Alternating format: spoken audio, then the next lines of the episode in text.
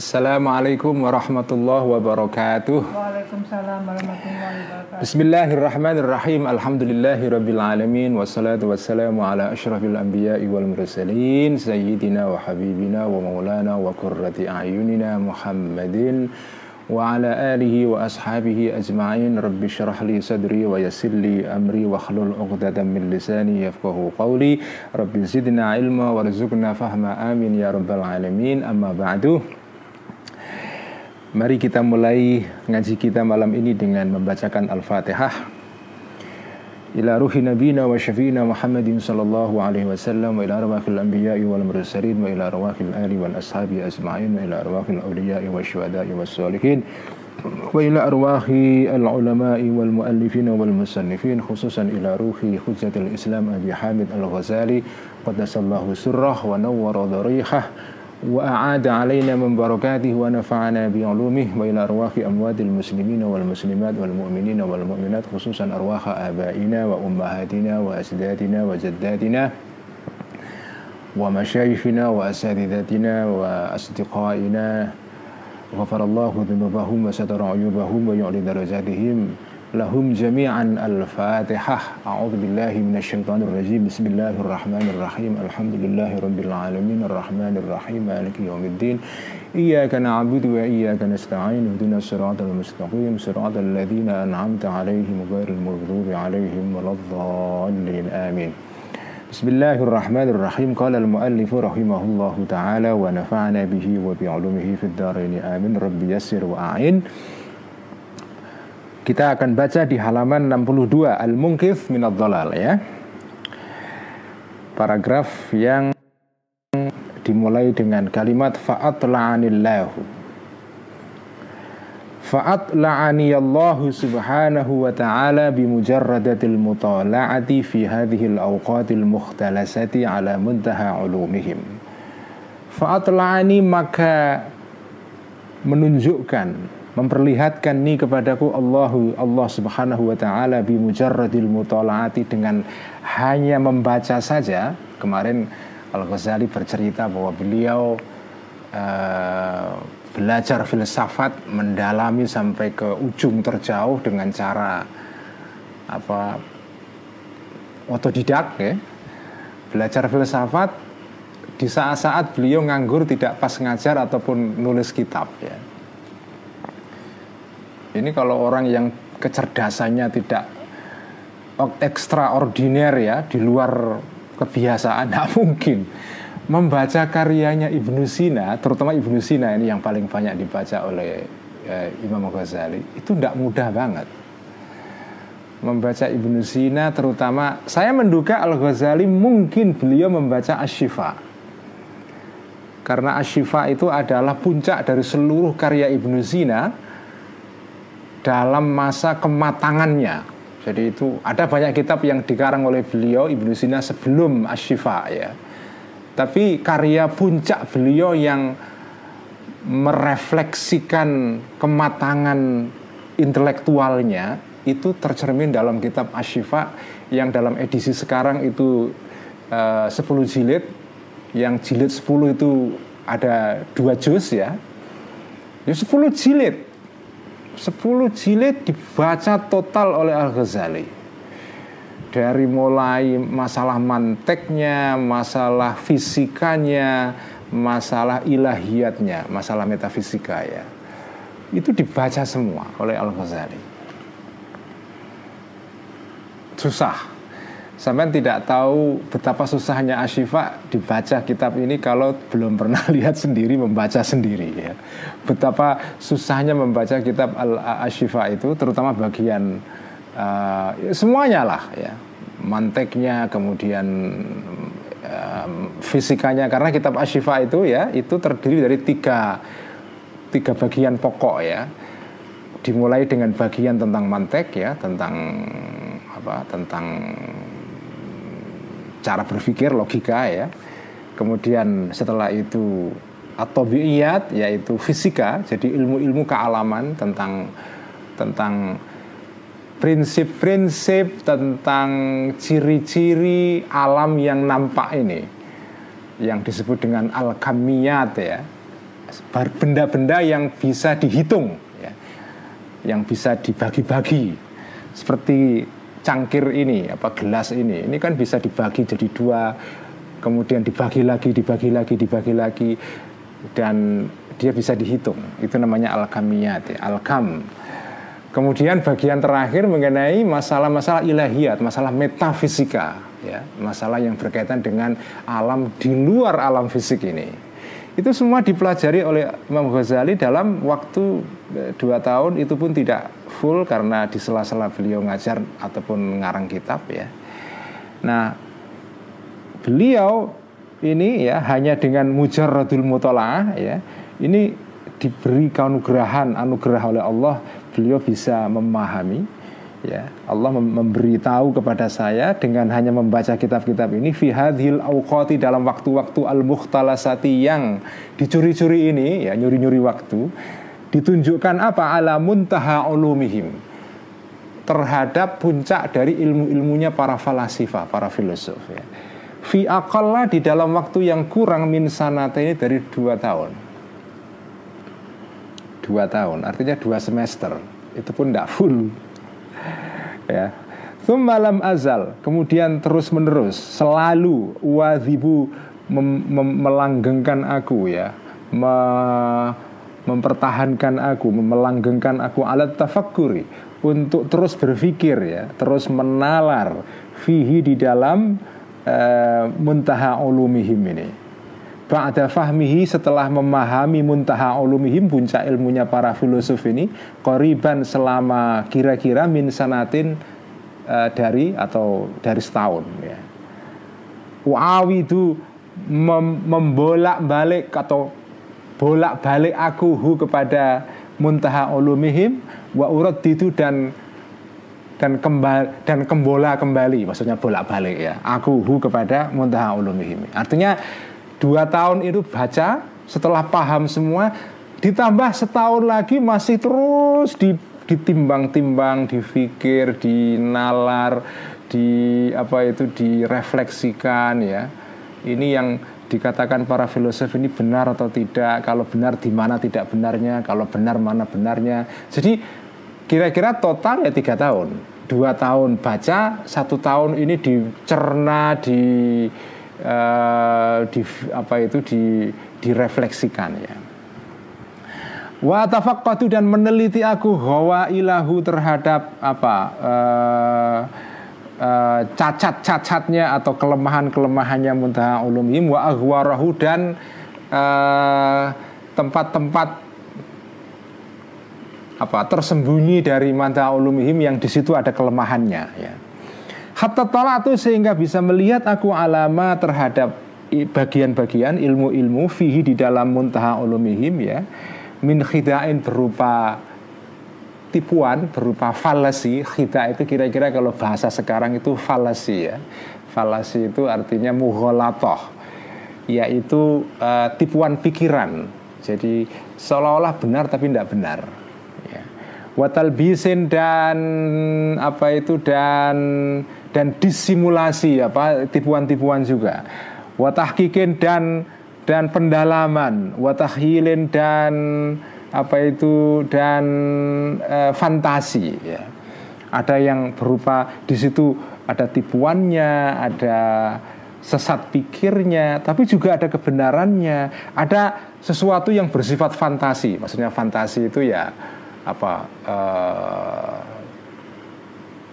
tidak berdasarkan data yang empiris, yang real, tapi berdasarkan apa e, perkiraan, menggunakan fantasi ya, semacam jenengan punya, ya kayak orang survei itu loh, punya data hanya sa Indonesia yang disurvei hanya 1.200, tapi kemudian menyimpulkan seluruh orang Indonesia, itu namanya tahyil ya.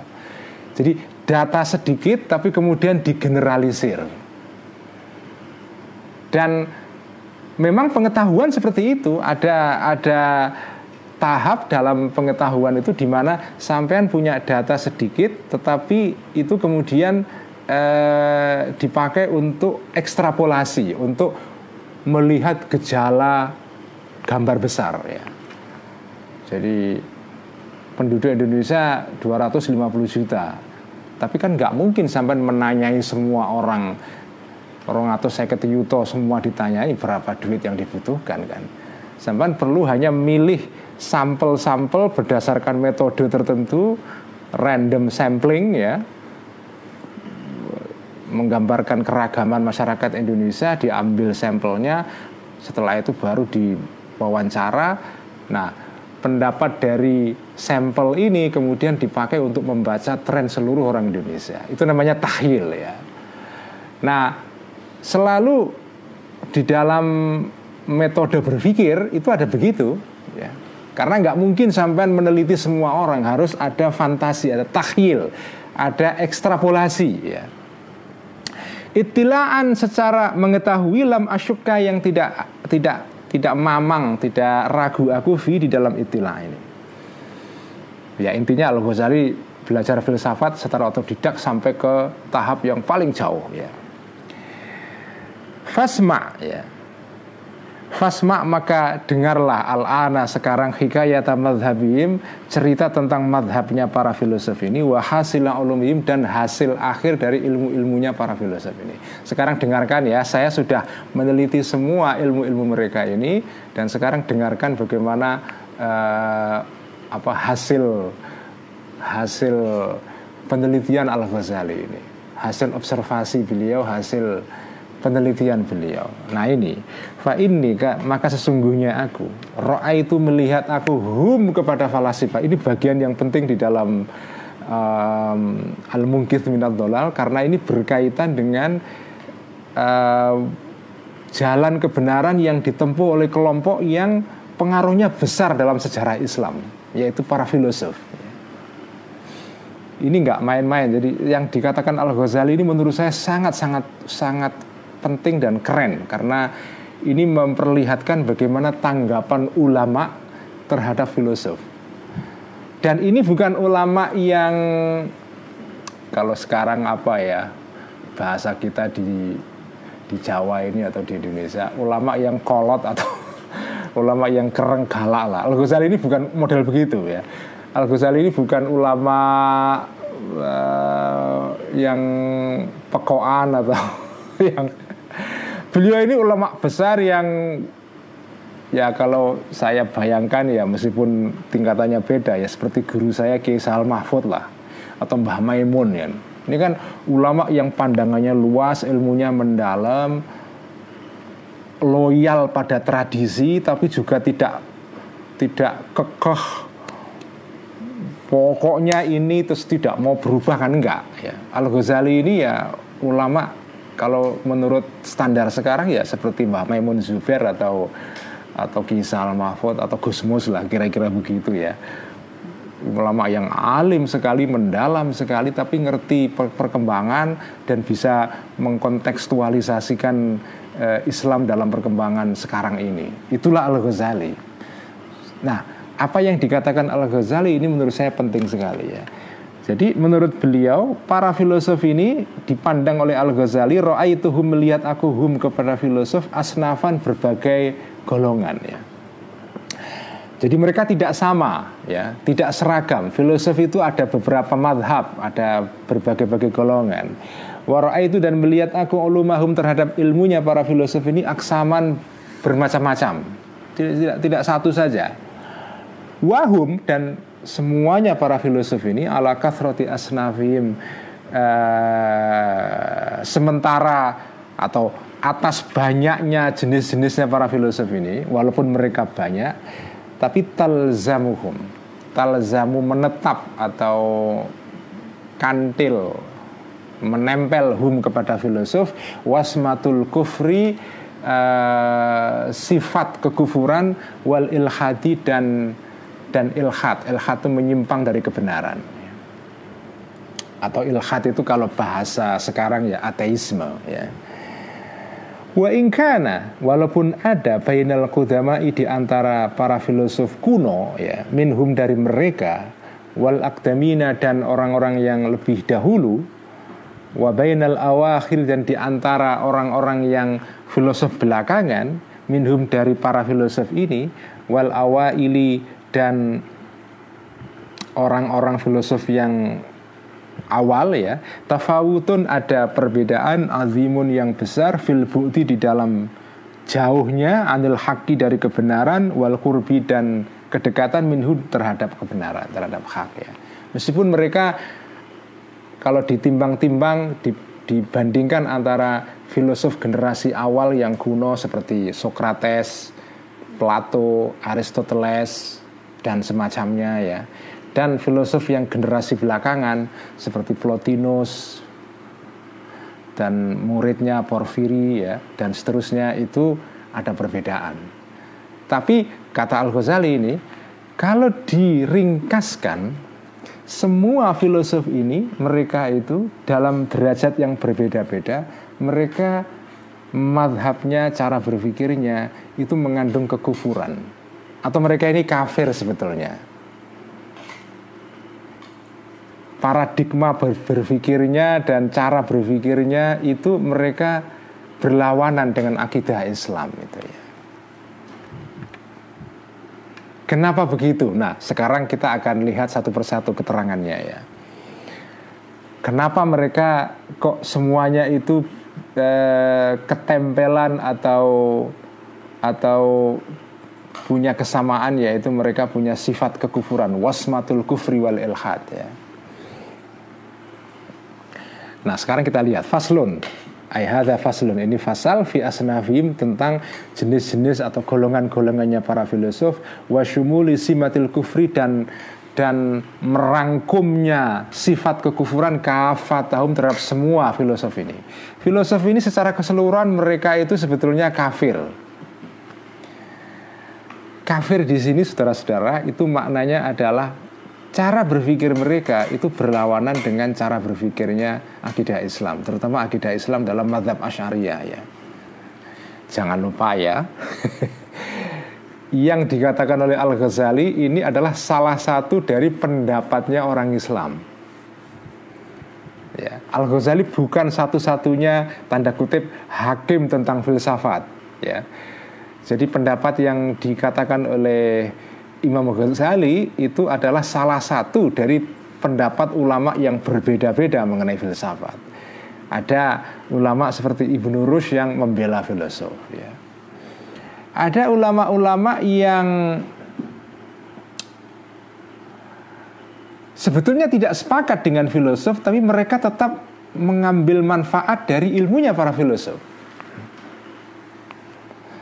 yaitu misalnya seperti salah satu ulama besar yang datang setelah Al-Ghazali namanya Fakhruddin Ar-Razi ya yang ngarang kitab tafsir besar sekali itu Mafatihul Ghaib atau tafsir Ar-Razi. Ar-Razi itu orang yang sama dengan Al-Ghazali juga belajar filsafat sampai dalam sekali. Bahkan uh, apa itu? Al, uh, Fakhruddin Ar-Razi itu nulis syarah komentar ya syarah terhadap salah satu dari kitabnya Ibnu Sina yaitu kitab Ibnu Sina yang judulnya adalah Al Isyarat wa Tambihat itu disyarai oleh Fakhruddin Ar-Razi. Al Ghazali tidak pernah nulis syarah tentang filsafat. Ya.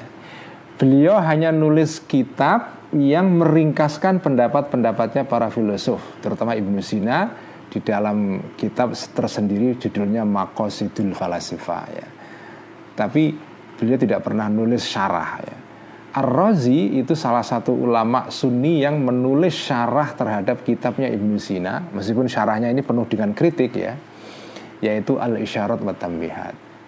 Kemudian beliau juga nulis kitab tentang filsafat yang banyak apa itu membahas atau merujuk kepada pendapat-pendapatnya Ibnu Sina dalam kitabnya judulnya Al-Mabahith Al-Masyrikiyah ya.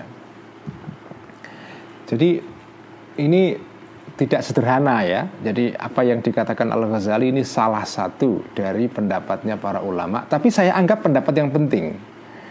Karena kalau kita baca kritiknya Imam Ghazali di dalam kitab Tahafutul Falasifah terhadap pikiran-pikirannya para filosof ini, itu bagi saya bisa menjadi contoh tentang bagaimana cara berpikir ulama menghadapi para filosof secara umum. Ya. Dan kalau yang tertarik dengan diskusi yang sekarang lagi rame di berbagai belahan di dunia tentang hubungan antara agama dengan sains ya. Sekarang lagi ramai sekali di Amerika terutama ya. Bagaimana posisi agama terhadap sains itu. Terutama terkait dengan teori evolusi Darwin dan seterusnya. Bagaimana tanggapan agama terhadap kritiknya para saintis seperti Richard Dawkins ya yang nulis buku uh, God Delusion ya yang mengkritik agama habis-habisan. Nah itu menurut saya diskusi mengenai hubungan antara agama dengan sains yang berlangsung sekarang itu bisa sebagian dibaca ya atau dilihat secara jernih melalui bagaimana respon para ulama dulu terhadap filsafat ya. Karena begini, yang disebut dengan filsafat pada zaman dahulu itu sebetulnya isinya itu di situ ada yang namanya sains karena dulu itu sebelum ilmu-ilmu alam itu berdiri secara terpisah mandiri ya itu yang disebut dengan ilmu ilmu fisika, ilmu biologi, ilmu matematika, ilmu geometri dan seterusnya itu bagian dari falsafah sebetulnya. Jadi yang disebut dengan filsafat dulu itu ya intinya ilmu-ilmu yang tidak berasal dari agama, dari wahyu. Tapi ilmu yang dasarnya adalah nalar manusia ataupun pengalaman manusia. Semuanya di situ ada fisika, ya ada biologi, ya ada geometri, ada astronomi juga, ada matematika, ada ilmu metafisika juga, masalah ketuhanan. Jadi semua di situ ya. Makanya dulu disebut filsafat itu adalah the queen of sciences ya ratunya ilmu-ilmu karena ilmu itu semua menginduk ke sana. Filsafat adalah induk semua ilmu. Baru belakangan ilmu itu mengalami spesialisasi takhusus, takhusus, takhusus, takhusus, terus misah, misah, misah, misah. Fisika berdiri sendiri, biologi berdiri sendiri, terus matematika berdiri sendiri. Dulunya semua jadi satu. Makanya dulu kalau menjadi filosof itu ya tahu semuanya, ya tahu fisika, ya tahu sedikit biologi ya ada ada tahu matematikanya, ada ada geometrinya, ada uh, mantiknya, logika dan seterusnya ya. Ya filsafat dalam pengertian tradisional seperti ini ini kan muncul pada saat ilmu belum mengalami spesialisasi yang ekstrim seperti sekarang ya. Karena itu kalau menyebut filosof zaman dulu itu setara dengan saintis zaman sekarang kritik Al-Ghazali terhadap filsafat itu sebetulnya bisa dibaca sebagai kritik terhadap pandangan dunia atau pandangan uh, hidup atau paradigma cara berpikirnya para saintis ya. Baik, sekarang kita baca bagaimana penilaian Al-Ghazali terhadap masing-masing jenis-jenis para filosof ini. Faslun satu fasal ya. I'lam ketahuilah annahum sesungguhnya para filosof ala kathrati firaqihim walaupun banyak atau atas banyaknya golongan-golongan mereka fi madhabihim dan perbedaan madhab-madhabnya para filosof meskipun mereka banyak golongan dan madhab yang pasimuna terbagi para filosof ini ila salah satu aksamin kepada tiga golongan Pertama ad-dahriyuna orang-orang dahriyun. Wat tobi'iyuna dan orang-orang tobi'iyun. Orang-orang yang percaya kepada alam ya, tabiat. Wal ilahiyuna dan orang-orang yang ilahiyun, orang-orang yang punya pandangan ketuhanan. Jadi filosof zaman dulu yaitu zaman Yunani yang kemudian diteruskan oleh Ibnu Sina, Al-Farabi dan seterusnya jadi Al-Farabi dan Ibnu Sina itu hidupnya sebelum Al-Ghazali. Al Ibnu Sina itu kira-kira ya hidupnya sekitar 70 tahun atau 80 tahun sebelum Al-Ghazali ya. Al-Farabi sebelumnya lagi. Uh, nah, para filosof itu dibagi tiga. Kalau enggak dahriyun, ya tobi'iyun, ya ilahiyun. Nah, siapa mereka itu? Akan dijelaskan ini. Asinful awalu.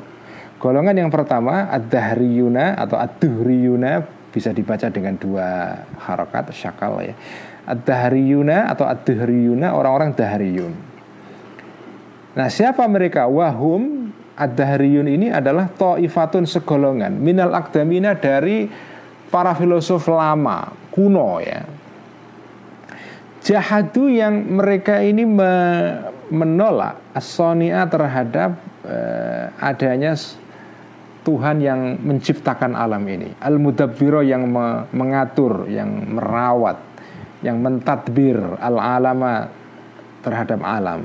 Harokatnya salah itu ya. Al alama Oh, al-alima, benar, al-alima. Al-alima yang bersifat mengetahui, al-qadiro yang bersifat berkuasa ya. Waza'amu dan dan berpendapat ya. Di sini maksudnya waza'amu itu berpendapat cuma pendapat yang tidak didasari oleh dalil yang kuat. Makanya di di apa diungkapkan dengan dengan kata waza'amu yang secara harafiah artinya adalah menyangka maksudnya berpendapat ya pendapat tapi yang isinya sangkaan waza'amu dan berpendapat para ta'ifah yang pertama ini dahriyun annal alam sesungguhnya alam lam yazal selalu dan ada Kadzalika dengan cara begitu itu ya ada seperti yang sekarang ini binafsi secara dirinya alam la bisoniin tidak melalui seorang yang uh, yang menciptakan ya. Walam yazal dan selalu al hayawanu hewan binatang ya itu adalah min nutfatin berasal dari nutfah dari dari sperma atau dari unsur yang menjadi asal usulnya. Wan nutfatu dan sperma min hayawanin dari hewan dari binatang. Kadzalika begitulah karena ada hewan ini. Jadi sperma dari hewan, hewan dari sperma, semua dari hewan terus mundur sampai sampai tidak terbatas. Jadi binatang dari sperma, semua dari binatang, binatang dari sperma, terus saja. Ya. Ayam dari telur, telur dari ayam, ayam dari telur, telur dari ayam, terus. ya begitulah dari dulu dunia, nggak ada ujungnya. Ya yang dalam di dalam ilmu kalam ya itu disebut dengan tasalsul ya. Tasalsul itu regresi yang tidak ada ujungnya. Maksudnya mundur ke belakang. Dari mana asal usulnya ayam? Dari telur. Telur dari ayam. Ayam dari telur. Terus mundur. Gak ada ujungnya. Itu namanya tasalsul. Ya. Wakadhalika dan begitulah yakunu akan ada hewan ini. Nanti juga telur ini nanti akan melahirkan ayam, ayam akan melahirkan telur terus sampai kapan pun tidak ada ujungnya. Jadi regresi secara tidak berujung, progresi maju ke depan ke masa datang juga nggak ada ujungnya. Jadi alam itu abadi. Itu yang disebut salah satu saya baca dulu ya. Azalan secara abadi wa abadan dan azalan itu di sini bisa kita maknai abadi ke masa lampau, regresi ke masa lampau ya, wa abadan dan abadi ke masa depan. Wahaulai dan mereka ini hum adalah azzanadikotu orang-orang zintik, orang-orang ateis kalau baca kalau dalam bahasa sekarang ya. Nah, ini menarik sekali ya. Golongan pertama dari para filosof ini adalah orang-orang yang kalau dalam bahasa sekarang bisa kita sebut sebagai orang-orang naturalis ya. Atau orang-orang ateis, orang-orang orang-orang yang tidak percaya bahwa alam ini ada pencipta. Karena alam itu ya dari dulu sudah ada, begitu itu, dan nanti juga akan begitu sampai kapan pun. Tanpa ada pencipta. Ayam dari telur, telur dari ayam, dan seterusnya. Ya. Inilah golongan yang pertama ya. Orang-orang yang meyakini bahwa alam itu abadi abadi ke masa lampau abadi ke masa depan ya. ini yang disebut dengan teori tentang kidamul alam alam itu tidak pernah ada permulaannya dan tidak pernah ada akhirnya Nah, pendapat para filosof yang seperti ini itu jelas kontras berbeda dengan pandangan para ulama Islam dari sekte atau golongan mana pun baik Asy'ariyah, Maturidiyah, Mu'tazilah, Mujasimah, Qadariyah, Jahm, semuanya semua orang Islam dalam satu satu isi ini semua sama. Mereka menolak teori mengenai keabadian alamnya. Alam itu tidak abadi ke masa lampau ya. kalau yang belajar mengenai sejarah astronomi modern ini menarik karena ketika seorang astronom Amerika Serikat namanya Edwin Hubble yang sebetulnya bukan astronom karena dia profesi awalnya seorang pengacara pada dasarnya lawyer ya tapi dia menyukai astronomi dan kemudian menemukan teleskop yang disebut dengan teles teleskop Hubble itu ya yang kemudian teleskop ini mencet menorehkan sejarah yang penting dalam perkembangan astronomi modern karena Edwin Hubble itu membuktikan melalui teleskopnya ini bahwa alam itu punya permulaan. Dan teori dia sebetulnya secara matematis ini sudah dikatakan oleh para ilmuwan sebelumnya, tapi dibuktikan secara empiris oleh Edwin Hubble pada tahun 1927. Setahun kira-kira setelah berdirinya Nahdlatul, Ulama ya. Edwin Hubble itu melalui teleskopnya ini dia menemukan bahwa alam itu terus berkembang itu yang disebut dengan expanding universe ya. Alam raya ini itu tidak statis, tapi dia mengembang terus, mengembang, mengembang, mengembang, mengembang. Nah, temuan Edwin Hubble ini kemudian membuat para sarjana astronomi ya itu berpikir kalau alam itu berkembang artinya seperti balon itu mengembang terus begitu.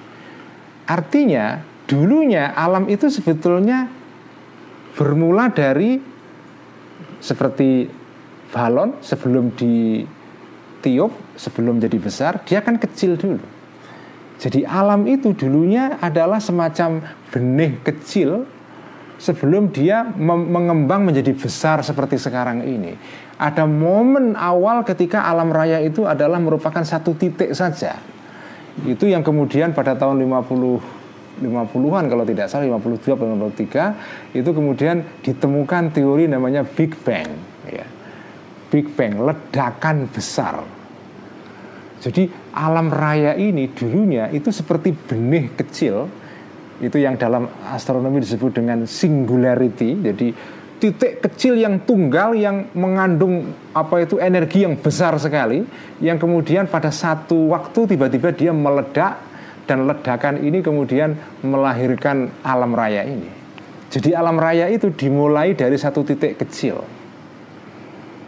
Artinya apa?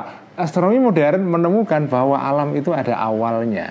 Tidak seperti disangka oleh para filosof ini Yunani ini yang kemudian diikuti oleh Ibnu Sina dan dikonfirmasi didukung oleh Ibnu Rus. Nah, ini juga menarik. Ibnu Rus ini ulama Islam loh ahli fikih, salah satu kodi dalam madhab maliki. Dia mendukung teori mengenai kidamnya alam, tapi dia punya alasan sendiri ya. Nah, astronomi modern itu menemukan secara empiris bahwa alam itu ada awalnya. Makanya ketika lahir teori mengenai Big Bang itu, itu itu itu berita besar karena itu kayak orang-orang beragama langsung tepuk tangan itu karena oh ternyata benar pandangan agama selama ini bahwa alam raya itu memang ada awalnya bahwa alam raya itu hadis bukan kodim ya. Ada awalnya. Dalam hal ini Al Ghazali dikonfirmasi pendapatnya oleh astronomi modern. Ibnu Rus dalam hal ini ya dia salah. Yang benar Al Ghazali sekurang-kurangnya menurut temuan astronomi sekarang ini. Karena sampai sekarang teori Big Bang itu masih menjadi teori utama di dalam uh, astronomi modern sekarang. Ya ada alternatif-alternatif lain tetapi sekarang ini model tentang asal usul alam raya ini itu adalah masih menggunakan teori Big Bang.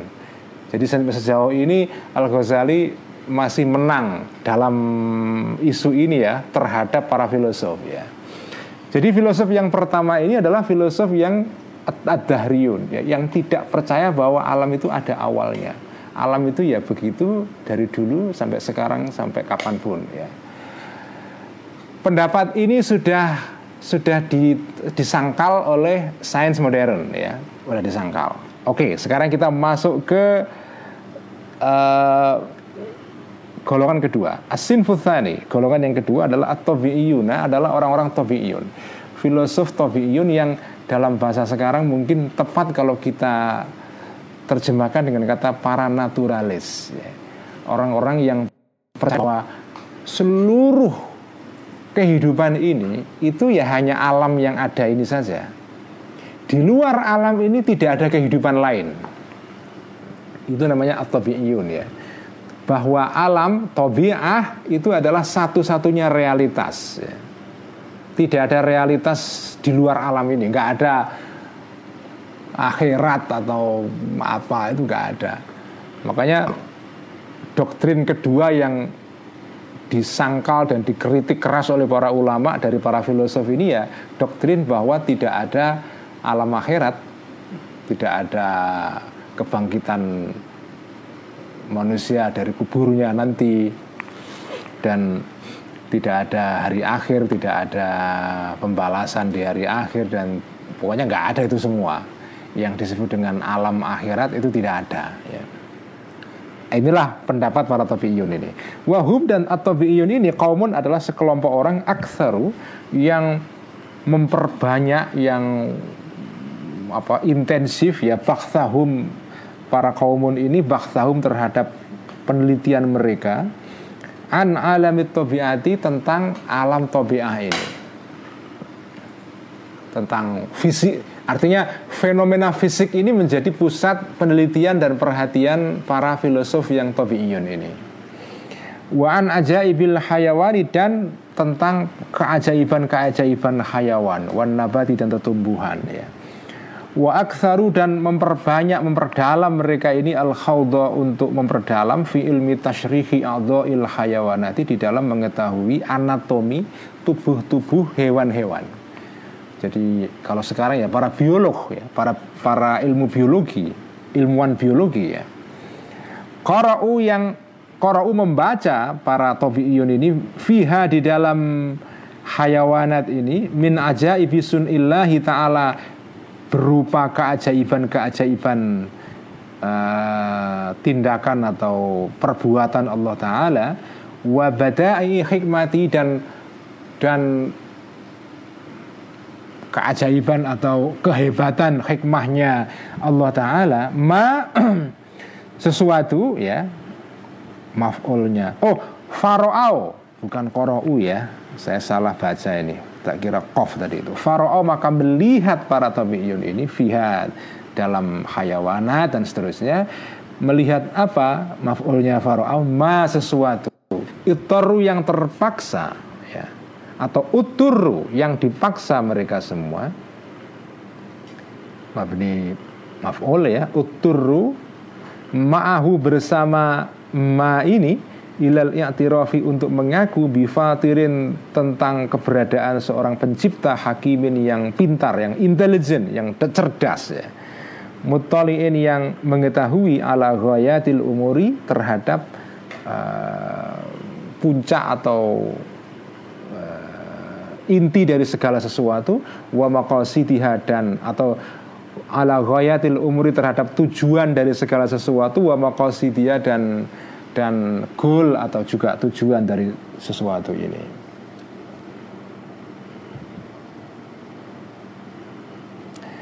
Saya saya baca sampai paragraf berikutnya karena masih berhubungan ini.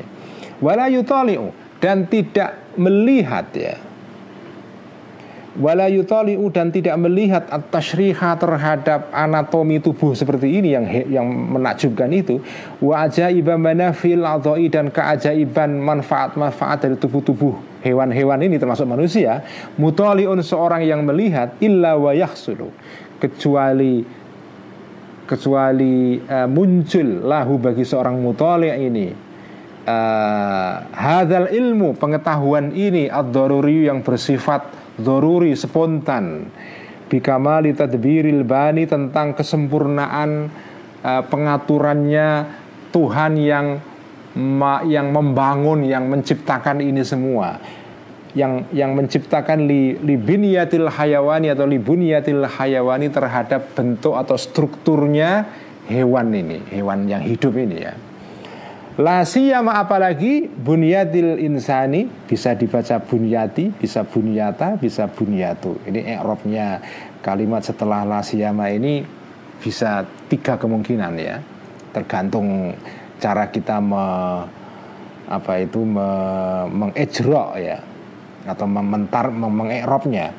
La siyama apalagi bunyatil insani strukturnya apa itu e, manusia. Kalau dibaca binyati itu lasia diidofahkan kepada kata binyati, manya itu adalah mazaidah ya. La siyama bunyatil insani apalagi strukturnya manusia. Illa anna haulai kecuali hanya saja maksudnya anna haulai sesungguhnya mereka-mereka ini mereka para filosof tabi'iyun ini roti bakhthim karena banyaknya pembahasan mereka penelitian mereka anit tabiati mengenai alam raya mengenai alam ya zoharo tampak indahum terhadap para filosof tabi'iyun ini li'tidalil mizazi terhadap uh, terhadap apa itu keseimbangan al-mizaj itu adalah al uh, apa? Keseimbangan tabiat badan. Ya. Li'tidalil mizaji terhadap keseimbangan badan ini apa? Uh, tabiat badan. Ya.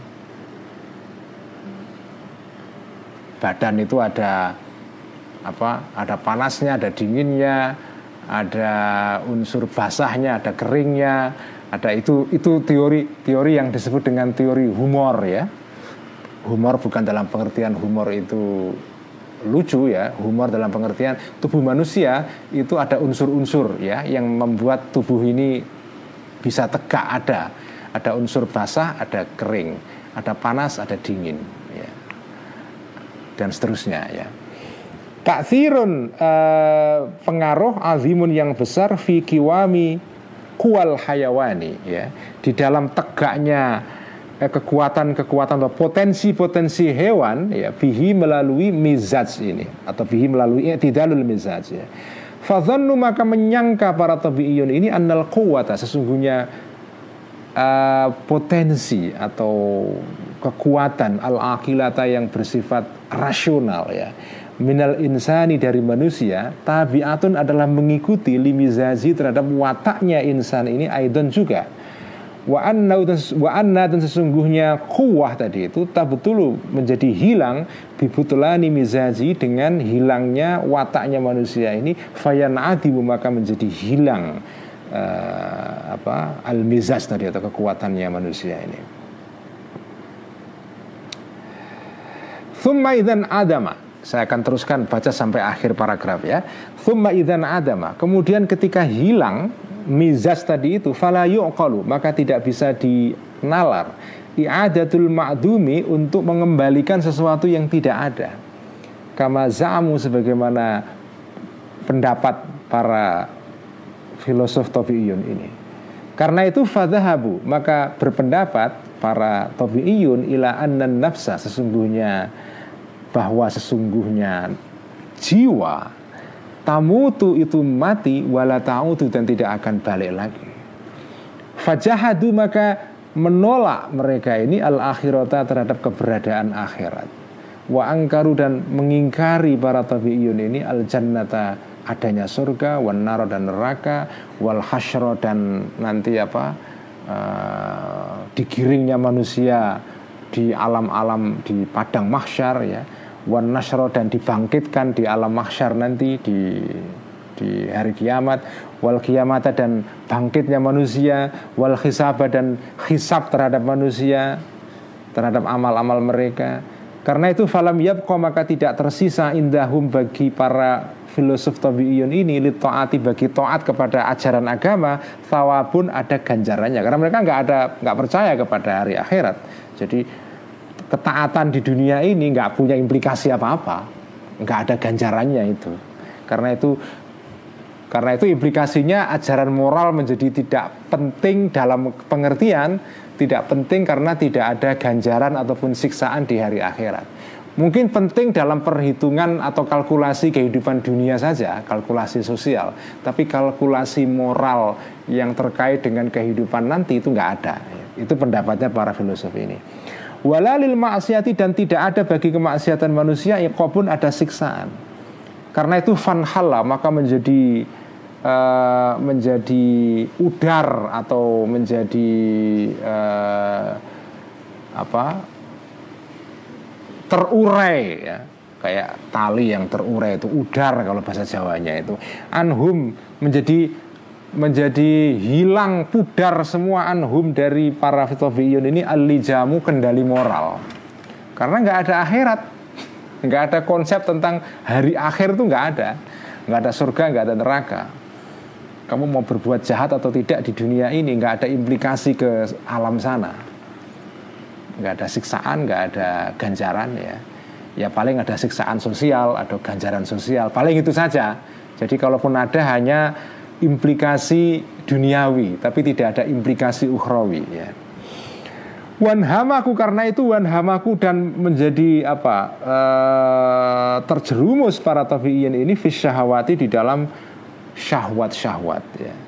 Inhimakal an'ami seperti terjerumusnya para apa hewan-hewan rojokoyo hewan ternak maksudnya ya cattle ya bahasa pesantrennya hewan ternak itu rojokoyo kewan-kewan rojokoyo kenapa nggak di, dinamai rojokoyo ya? Nggak ngerti saya. Ya itulah kalau makna pondok al anam itu artinya rojokoyo ya karena kalau orang punya hewan ternak zaman dulu raja raja udah. Ya kalau sekarang Rojokoyo itu ya deposito saldo di bank itu Rojokoyo kalau kalau dulu enggak ya. Wahaulai dan mereka-mereka ini Aidon juga zanadikotun adalah orang-orang zintik juga Orang-orang ateis ya Lianna aslal imani karena sesungguhnya pokok dari iman Huwa adalah al-imanu iman billahi kepada Allah Wal yawmil akhiri dan hari akhir Wahaulai dan mereka semua jahatu mengingkari semua al yaumal akhirah pada hari akhir. Wa in amanu walaupun mereka iman billahi kepada Allah Taala wa sifati dan sifat-sifatnya Allah. Jadi ini panjang saya baca sekaligus karena memang nggak bisa kalau hanya dipotong-potong ya. Jadi artinya begini ringkasnya ya. Kelompok kedua ini adalah kelompok yang disebut dengan orang-orang naturalis atau bi'iyun ya. Orang tabi'iyun ini orang-orang yang percaya yang yang fokus penelitian pembahasannya ilmunya inilah ilmu mengenai tobiah, mengenai fisik. Kalau dalam bahasa modern ya fis ilmu tentang dunia fisik kalau di dalam ilmu modern itu kan pokoknya tiga, ya kan?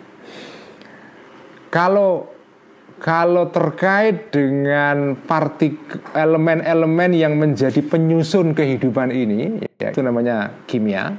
Kimia ini terkait dengan studi tentang partikel-partikel atau elemen-elemen yang menjadi semacam batu bata yang menyusun semua alam fisik ini. Tubuh manusia itu kan ada elemen-elemen penyusunnya. Ya, ada partikel-partikel, ada elemen-elemen yang membuat kita ada tubuh ini. Bumi, planet, pohonan, hewan, batu, emas, tambang itu semua itu kan terdiri dari beberapa elemen ya. Yang dalam ilmu kimia disimbolkan dengan tabel periodik gitu ya. Tentang daftar elemen-elemen yang berapa itu ada 118 atau berapa itu ya.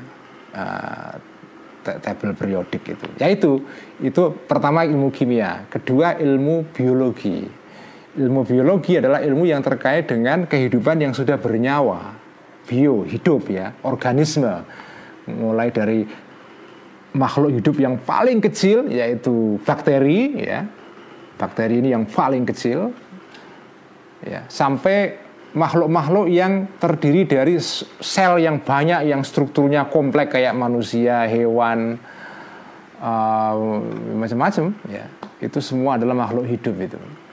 Kemudian fisika. Fisika adalah ya ilmu yang, yang meneliti tentang semua benda-benda fisik yang ada di sekitar kita ini. Ya di situ ada ilmu bumi, geologi, ada mm, ilmu tentang apa itu materi ya, bagaimana jenis-jenis materi yang ada di dunia ini ya dan seterusnya. Jadi intinya itu kimia, biologi, fisika. Nanti dikembangkan macam-macam ya. Nah inilah orang-orang tabi, orang tabiun adalah orang-orang yang fokus ilmunya adalah tentang alam fisik ini. Mereka yang meneliti tentang anatomi binatang yang mengagumkan, seperti yang ditulis oleh Richard Dawkins dalam bukunya yang apa itu uh, judulnya apa ya The Great, The, Great Show on uh, The Great Show on Earth kalau nggak salah ya atau The Great Richard Dawkins nulis buku tentang pengantar tentang bagaimana menakjubkannya alam raya ini ya.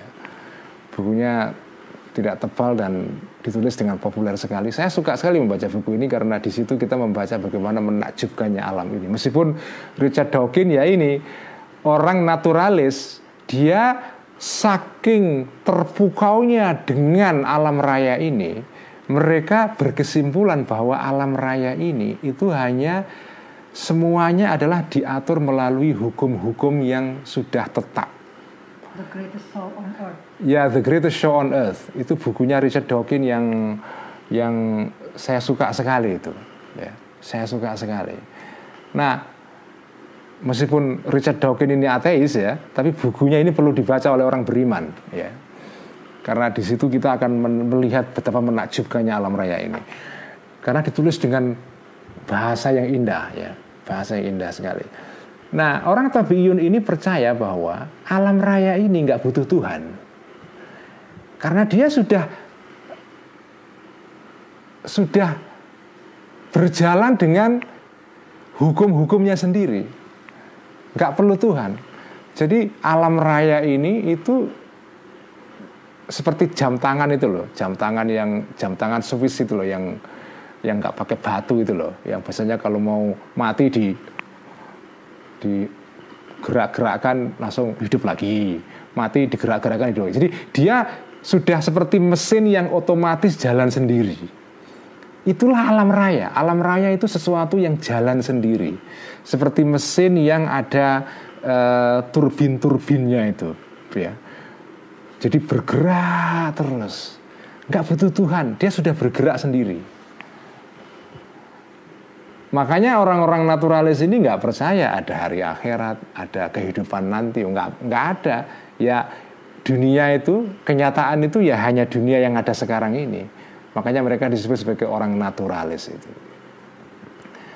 mereka nggak percaya kepada kebangkitan setelah setelah mati, tidak percaya kepada hari akhir, tidak percaya kepada surga, tidak percaya kepada neraka dan seterusnya. Akhirnya hukum moral jadi jadi lepas semua, udar semua, ucul semua, menjadi hilang semua. Bukan berarti bahwa orang-orang yang tidak percaya Tuhan itu tidak punya konsep baik buruk, tidak saya nggak mengatakan tidak ya. Mereka punya.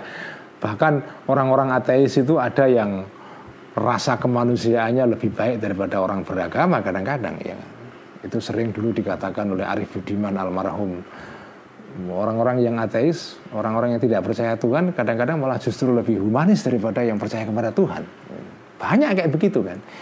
Cuma maksudnya di sini yang dikritik oleh Al Ghazali adalah kenapa hukum moral itu menjadi hancur semua karena tidak ada konsep tentang surga neraka hari akhir?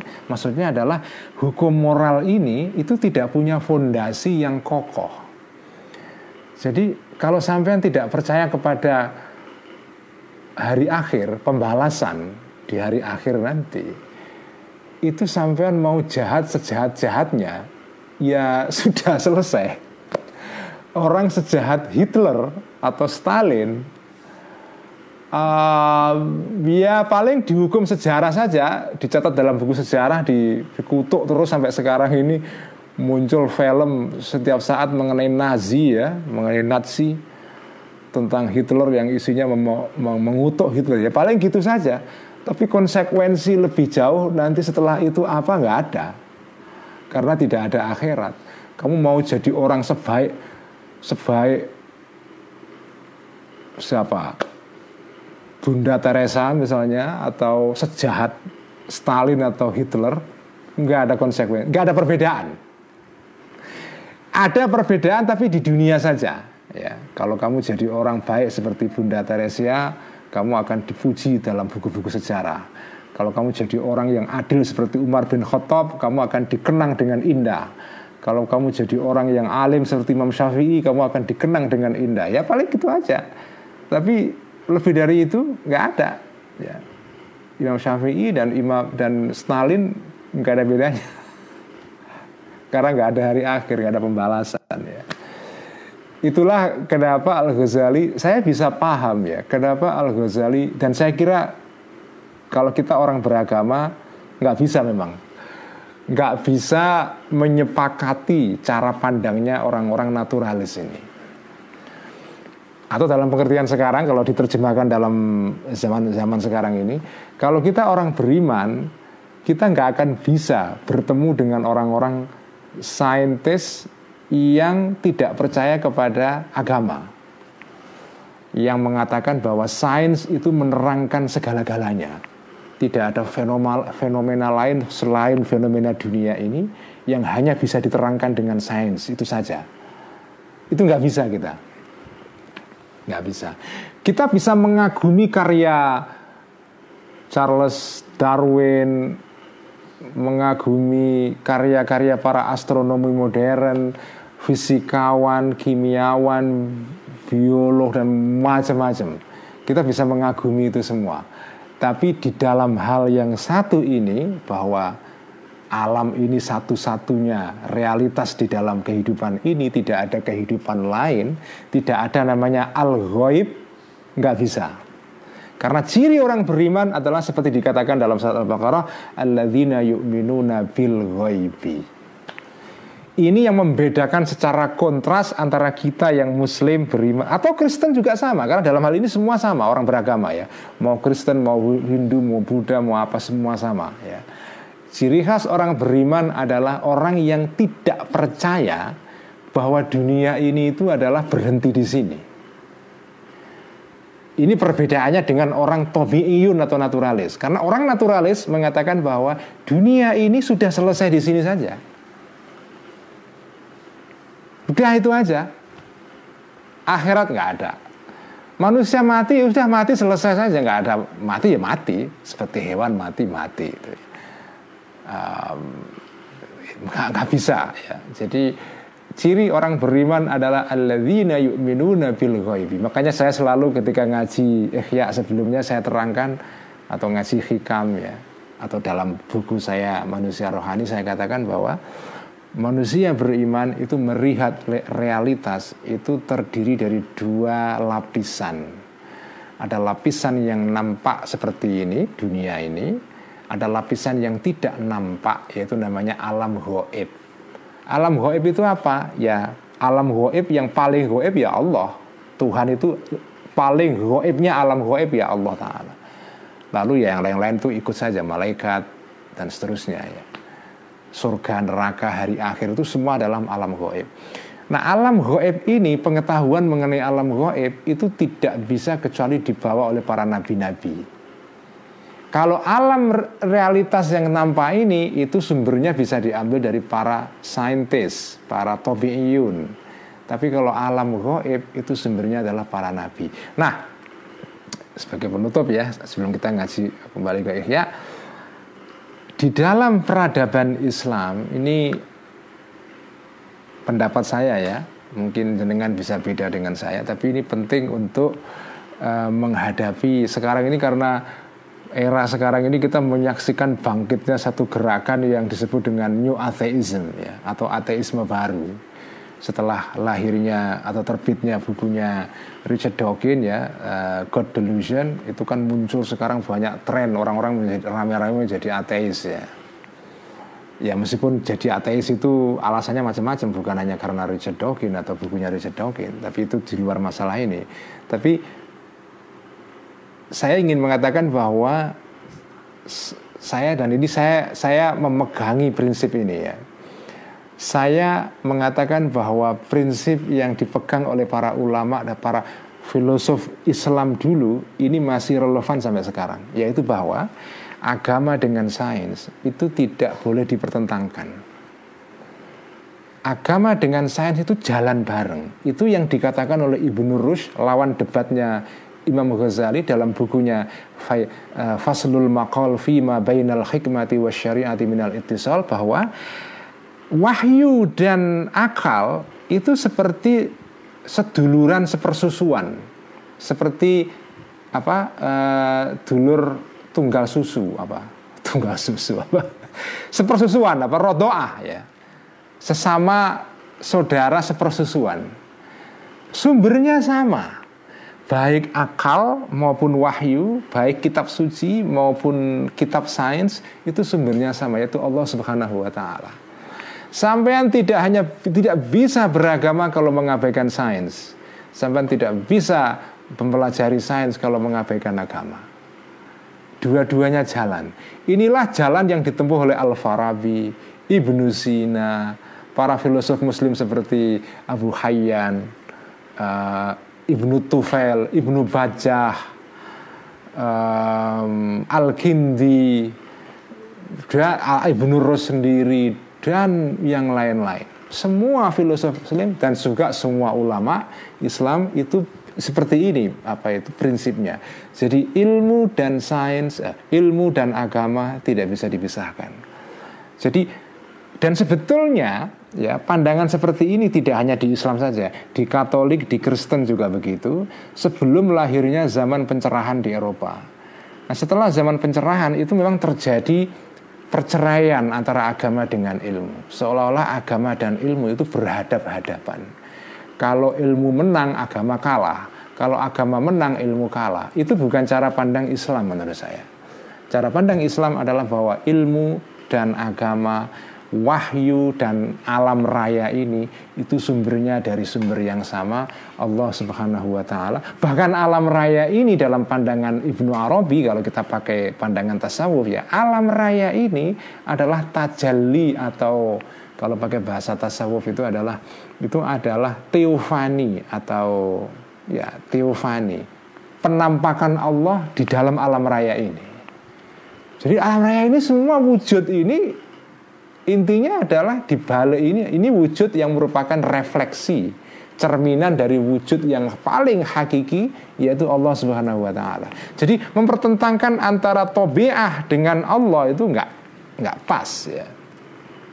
Dan saya rasa inilah pandangan yang saya pegang sampai sekarang menghadapi serangan-serangan apa ya ya munculnya arus ateisme baru sekarang ini atau munculnya para saintis-saintis yang sekarang mulai menyerang agama dengan dalil-dalil seperti yang dikatakan oleh para tabi'iyun. Jadi ini sudah ada pada zaman dulu sebetulnya. Dan ini dengan cukup baik sekali diungkapkan oleh Al-Ghazali. Ya. Saya kira itu ngaji Al-Mungkith malam ini. Kita sekarang ganti ngaji Ihya ya. Wallahu alam bisawab. Bismillahirrahmanirrahim. Alhamdulillahirabbil alamin. Wassalatu wassalamu ala asyrafil anbiya'i wal mursalin sayyidina wa habibina wa qurrati a'yunina Muhammadin wa ala alihi wa ashabihi ajma'in. Amma ba'du. Qala al-muallif rahimahullahu taala wa nafa'ana bihi wa bi 'ulumihi fid dharain. Amin. Rabbi yassir. Kita membaca kitab Ihya di halaman 992 yaitu di paragraf yang paling akhir waruwiya an Abdullah bin Umar. Ini kisah menarik ya. Mari kita baca. Kisah yang sudah sering dikisahkan oleh para penceramah-penceramah dai-dai ya, tapi kita baca kembali. Bismillahirrahmanirrahim waruwiya dan dikisahkan an Abdullah bin Umar dari Abdullah bin Umar radhiyallahu anhu maqala. Berkata Ibnu Umar, Sami'tu mendengar aku Rasulullah Rasulullah Shallallahu Alaihi Wasallam Yakulu bercerita kanji Nabi. Jadi kalau baca hadis ini kanji Nabi itu suka berkisah itu. Kanji Nabi itu storyteller pengkisah yang baik. Karena ini kisah panjang sekali ini. Kanji Nabi itu storyteller ya. Seorang pengkisah yang baik. Makanya kanji Nabi itu ruang tamunya itu banyak dikunjungi sahabatnya Kanjeng Nabi itu kayak ruang tamunya, rumahnya itu kayak rumah para kiai-kiai itu. Nggak mengenal jam jam sowan itu, jam jam ziarah itu nggak ada itu open house sepanjang waktu ya sampai ekstrimnya kanji Nabi itu open house dan para sahabat itu nyaman sekali duduk nongkrong bareng-bareng ngobrol bersama kanji Nabi itu sampai diingatkan oleh oleh oleh wahyu turun sebuah wahyu dalam surat Al-Ahzab ya. Uh, yang mengingatkan kamu wahai para orang orang-orang beriman ya. Uh, apa ayatnya itu ya. Pokoknya kamu kalau sudah kalau mertamu kepada kanjeng Nabi di ya sudah. Walatas tak nisuli hati jangan keenakan ngobrol rokok udut mungkin kalau zaman itu sudah ada udut mungkin udut juga itu para sahabat itu.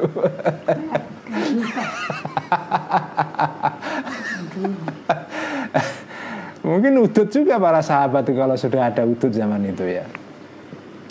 Jadi sahabat tuh senang sekali nongkrong apa cangkruan di ruang tamunya kanji Nabi. Ya sebagian karena nyari makan juga apa peningkatan gizi ya. E, kayak anak-anak mahasiswa itulah suka apa nongkrong di tempat-tempat yang ada makanannya. Persis kayak begitu. Jadi diingatkan kamu kalau sowan ke kanji Nabi sudah apa itu uh, sudah disuguhi makanan sudah selesai pergi walatas hadir Zalika yu'dhin Nabi itu membuat kanjeng Nabi jadi nggak enak apa. Kanjeng Nabi kan punya istri harus istirahat punya privacy ya Zalika yu'dhin Nabi itu akan membuat terganggu kanjeng Nabi itu enak kanjeng Nabi itu orang yang enak diajak ngobrol ya ya kayak kiai-kiai NU itulah ya atau kiai-kiai pada umumnya kan beda dengan orang-orang pejabat yang ruang tamunya itu nggak bisa dikunjungi setiap saat. Kalau rumah kiai-kiai kapan saja dengan soal ya kalau lagi ada kiai ya dan lagi nggak sedang sare tidur ya ditemui ya. Itulah itulah. Jadi ruang tamu para kiai-kiai sekarang itu itu meniru meneruskan ruang tamunya kanjeng Nabi. Karena itu para ulama itu disebut al ulama'u warasatul anbiya. Para ulama itu pewaris nabi, pewaris dalam segala hal, termasuk cara menerima tamu. Nggak ada jam, kapan pun. Bahkan kanjeng Nabi itu kan rumahnya nggak punya rumah kanjeng Nabi itu. Kanjeng Nabi itu kan rumahnya ngenger di samping masjid, masjid Nabawi itu di sampingnya. Dan antara rumah kanjeng Nabi dan mimbar Masjid Madinah itu yang disebut dengan Raudhah itu kan nah, di situ yang sekarang orang kalau ziarah ke Masjid Nabawi nunggu di situ itu di Raudhah itu Raudhah ya pelataran itu pelataran surga di situ ya. mau doa apa pun di mustajab di situ ya jadi rumah Haji Nabi itu nggak ada rumahnya itu yang ngenger di masjid dan Nabi memang Kanjeng Nabi kalau mau punya rumah bisa, sahabat yang kaya banyak, yang mau bikinkan rumah banyak, bahkan ditawari. Tapi Nabi nggak mau, beliau memilih tinggal di samping masjid. Ya. Dan ya menerima tamu ya, ya kadang-kadang di masjid ya. Sami'atu mendengarkan mendengar aku maksudnya aku Abdullah bin Umar Rasulullah Rasulullah Shallallahu Alaihi Wasallam yakulu bersabda kanjeng Nabi. Nabi ngendikan ya. Bercerita yakulu ini bercerita kanjeng Nabi. Intolako intolako eh, apa berangkat pergi ya. salah satu nafarin tiga orang. Miman dari orang-orang karena yang ada orang-orang ini qablakum sebelum kalian. Ini kisah di zaman dahulu. Satu zaman dahulu dulu, zaman Bien kira-kira gitu, ada tiga orang bepergian pergi. Hatta awa sehingga mengung, memaksa ngungsi hum kepada tiga orang ini al itu bermalam ila gorin kepada gua. Mereka pergi berjalan pas malam tiba terpaksa mereka bermalam di dalam gua. Fadakhalu, maka masuklah para tiga orang ini hu kepada gua ini. Fan hadarat. Pas pada saat mereka di gua, dilalah ini fan hadarat maka eh, maka leng, lengser ya sohrotun batu minal jabali dari gunung ada batu besar lengser turun ya terus kemudian menutup pintu gua tempat mereka bermalam ini. Fasadat. Maka menutup sohroh ini batu ini alaihim terhadap tiga orang tadi itu al gua. Wah nggak bisa keluar. Itu kayak terkunci itu ya. Lockdown langsung kena lockdown mereka ya. Fakalu maka berkata Wah panik kan orang-orang tiga ini. Fakalu maka berkata tiga orang ini Gimana cari solusinya? Ini nggak bisa keluar batu besar kalau nggak ada yang nolong ya tapi gimana? Nolongnya bagaimana orang tahu kalau ada orang di dalam gua? Ya. jadi panik sekali ini gimana cari solusinya bagaimana? Akhirnya ditemukanlah solusi solusinya solusi spiritual. Solusi yang bersifat non spiritual ya.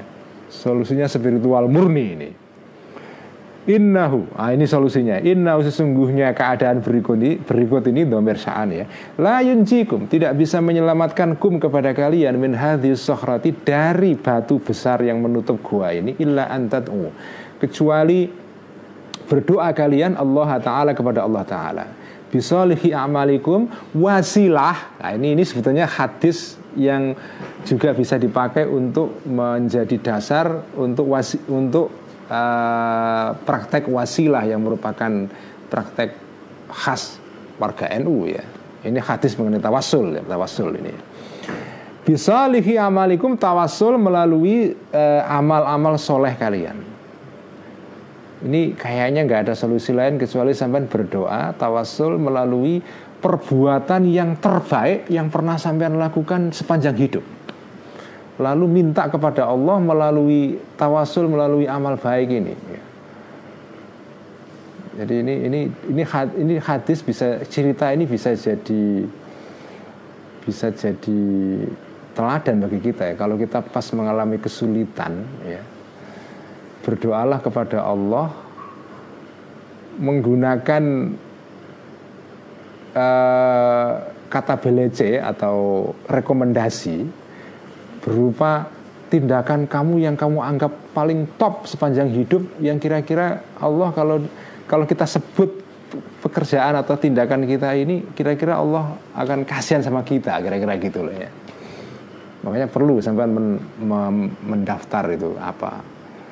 Misalnya kalau Hamzah Sahal ya kira-kira tawasul melalui proyek Alif alif.id itu. Gusti ini saya bikin alif.id kayaknya kok ini amal baik lah ya. Saya tawasul melalui alif.id supaya kesulitan saya di dimudahkan oleh Allah. Nah kira-kira begitu. Itu kalau Mas Hamzah kalau yang lain mungkin ada yang lain lagi ya. Fakallah maka berkata rojulun seorang laki-laki minhum dari uh, tiga orang tadi itu. Nah ini ini tawasulnya. Allahumma ya Allah innaka ini yang orang pertama ini ya tawasulnya begini. Inna sesungguhnya engkau ya Allah ta'alamu mengetahui engkau, engkau ya Allah anna sesungguhnya keadaan berikut ini damir sya'an. Karena ada li bagiku abawani ada dua orang tua syekhoni yang sudah tua semua. Kabironi yang sudah sepuh dua-duanya. Wa kuntu dan ada aku la agbiku tidak pernah agbiku itu tidak pernah apa itu eh, memeras memeras susu ya, memerah susu ya. Memerah susu.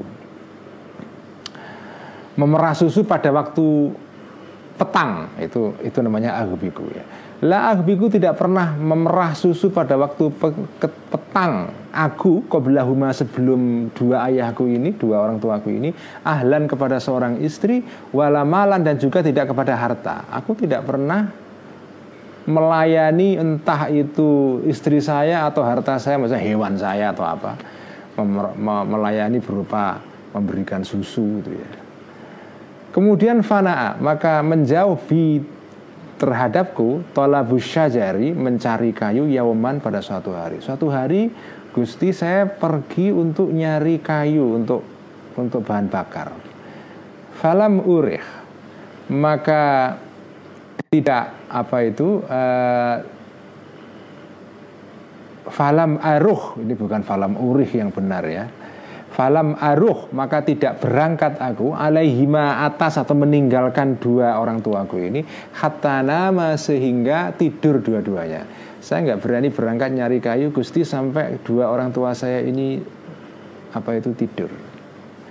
Kemudian fahalaf tuh maka kemudian memerah aku lahuma bagi uh, kedua orang tuaku ini ghabuqahuma apa susu perahannya dua orang tua ini. Fawajatu maka menjumpai aku huma kepada dua orang tua kami. Nah ini sedang tidur dua-duanya. Suatu hari saya memerah susu untuk saya suguhkan kepada orang tua saya. Mereka tidur. Fakarih itu maka tidak suka aku an untuk apa itu memerah susu pada saat petang ya qablahuma sebelum dua orang tuaku ini ahlan seorang istri awamalan atau atau harta. Padahal saya ini nggak suka melayani siapa pun termasuk istri saya sendiri, tapi untuk orang tua saya saya perlakukan secara spesial ya. Falabith itu maka diam aku wal qidhu dan gelas yang berisi susu ini fiyadi ada di tanganku. Antaziru menunggu aku istiqozohuma bangun tidurnya dua orang tua saya ini. Sampai tidur semalaman saya tunggu saya pegang saya saya memegang gelas isi susu ini hatta tolaa sehingga uh, apa itu uh, sehingga keluar al fajru fajar.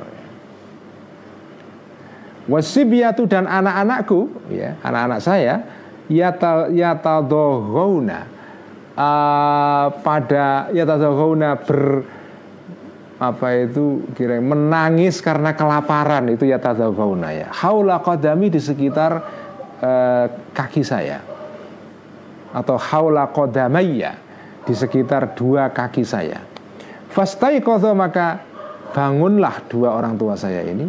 Fasyariba maka me, me, minumlah kedua orang tua saya. Gobu kohuma susu petangnya dua orang saya orang tua saya ini Inilah perbuatan saya yang saya anggap terbaik dalam hidup saya. Saya melayani orang tua saya sampai seperti ini. Ya.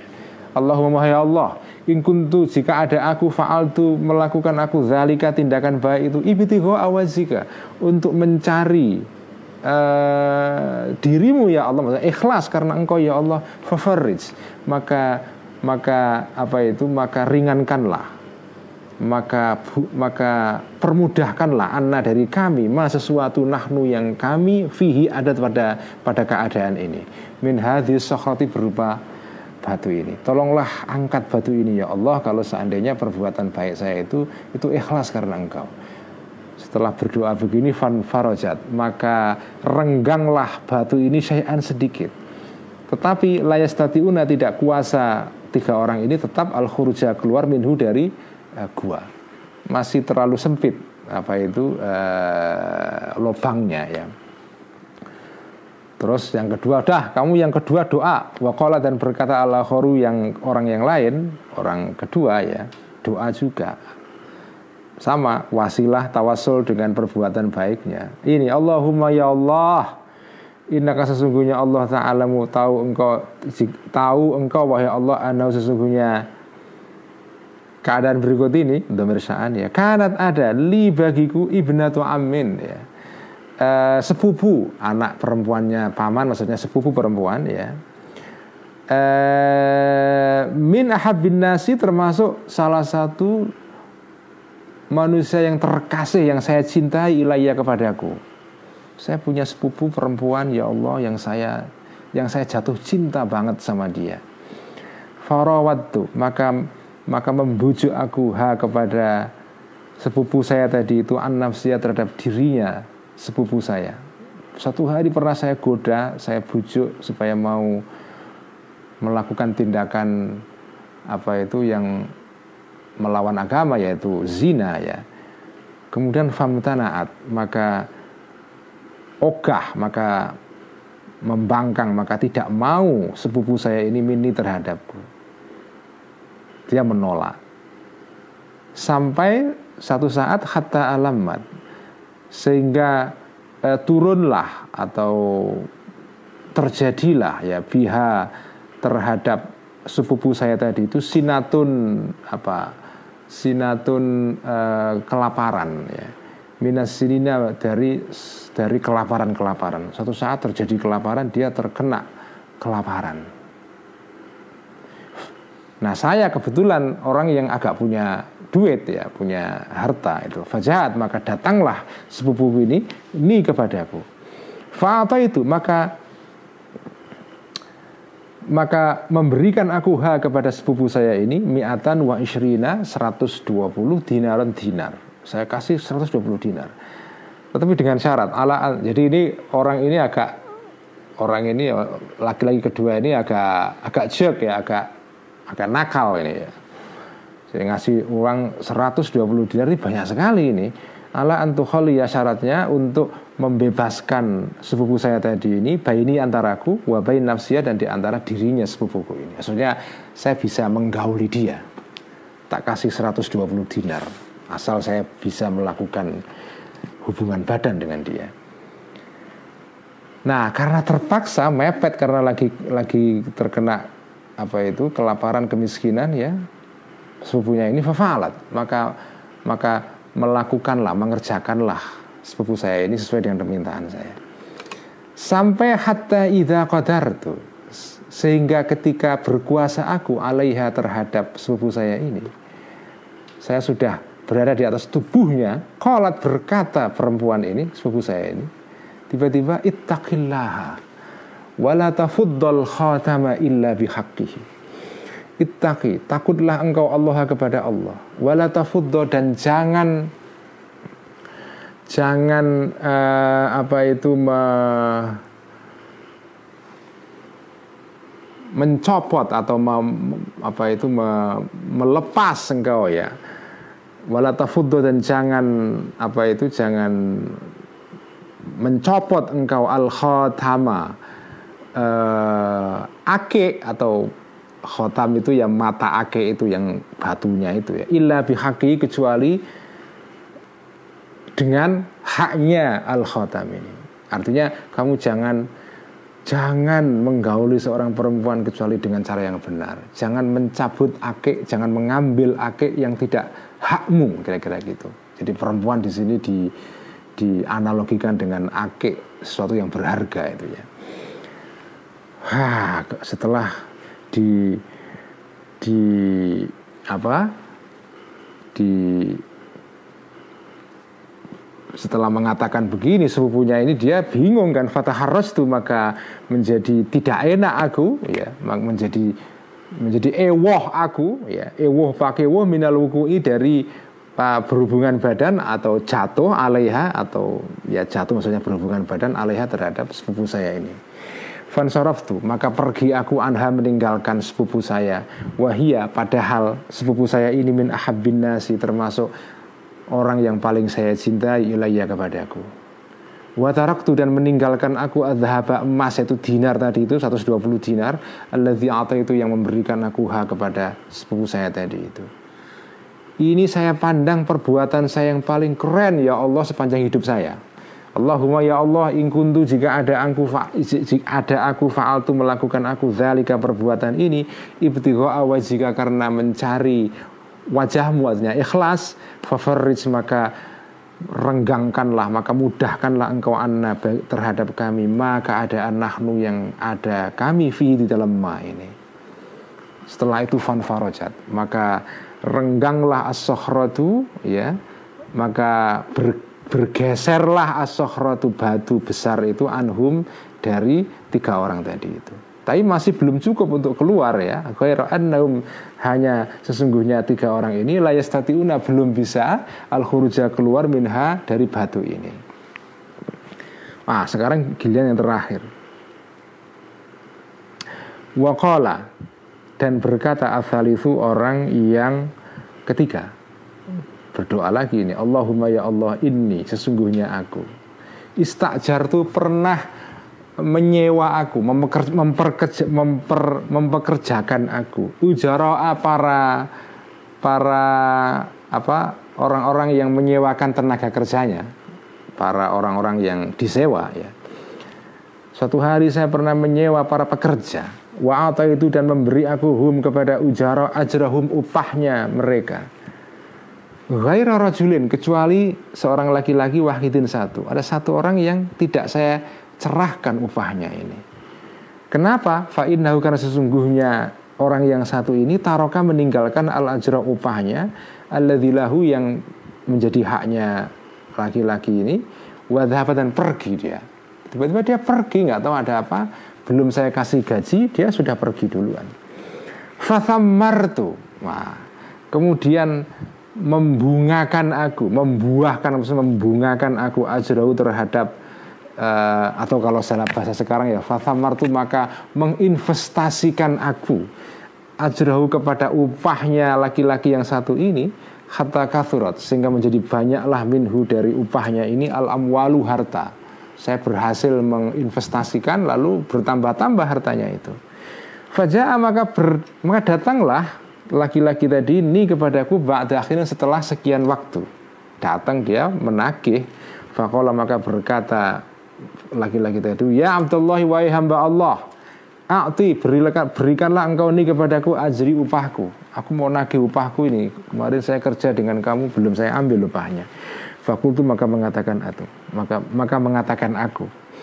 Kullu ma min ajrika Kulluma semua harta Taro yang melihat engkau Min ajrika berupa upahmu Yaitu minal ibili berupa unta Wal bakori dan sapi Wal gonami dan kambing ya.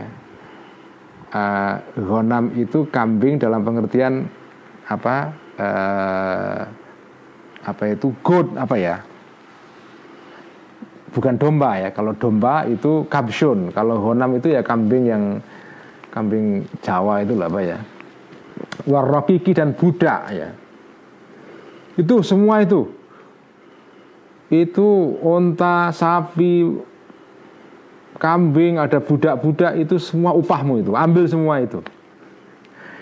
Ini ketika diucapi begini pekerja satu tadi itu kayak merasa dinya ini, ini, mau nagih upah kok malah di dikasih ada unta segala macam. Dia mengira itu diolok-olok itu. Fakola maka berkata rojul tadi itu pekerja tadi itu ya Abdullah wa hamba Allah la tastahzi jangan mengolok-olok aku bi terhadapku.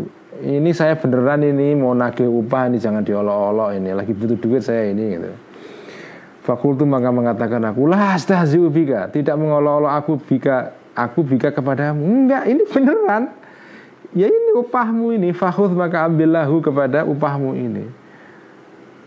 Ya alhamdulillah. Senang sekali ya.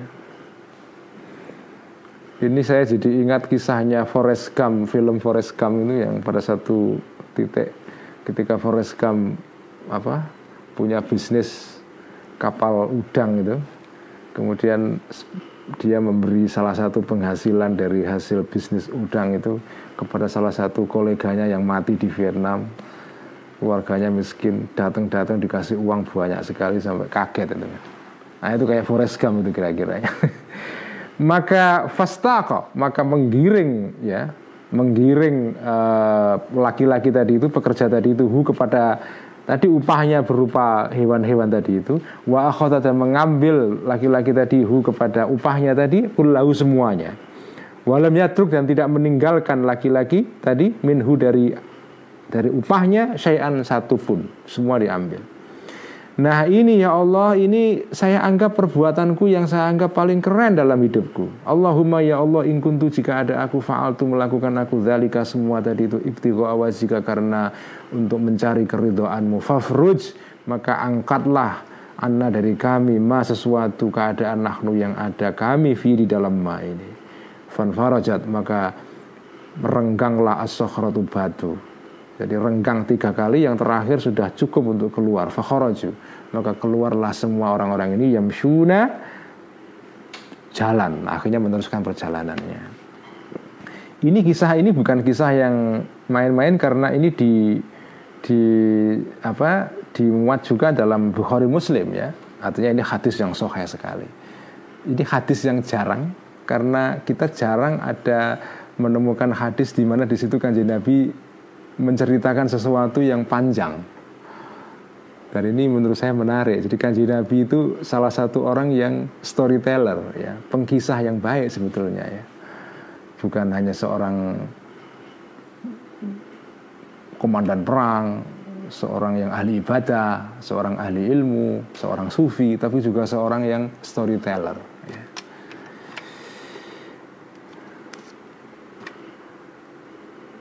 Saya kira cukup ya sekian ngaji Ihya malam ini. Mari kita tutup dengan bacaan salawat tibbil qulub. Allahumma salli ala sayyidina Muhammadin tibbil qulubi wa dawaiha وعافية الأبدان وشفيها ونور الأبصار وضيائها وعلى آله وصحبه وسلم. اللهم صلِّ على سيدنا محمد طب القلوب ودوائها وعافية الأبدان وشفيها ونور الأبصار.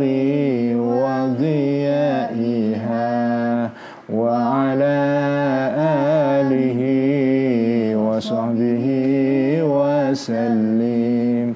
اللهم صل على سيدنا محمد طب القلوب ودوائها وعافية الأبدان وشفيها ونور الأبصار.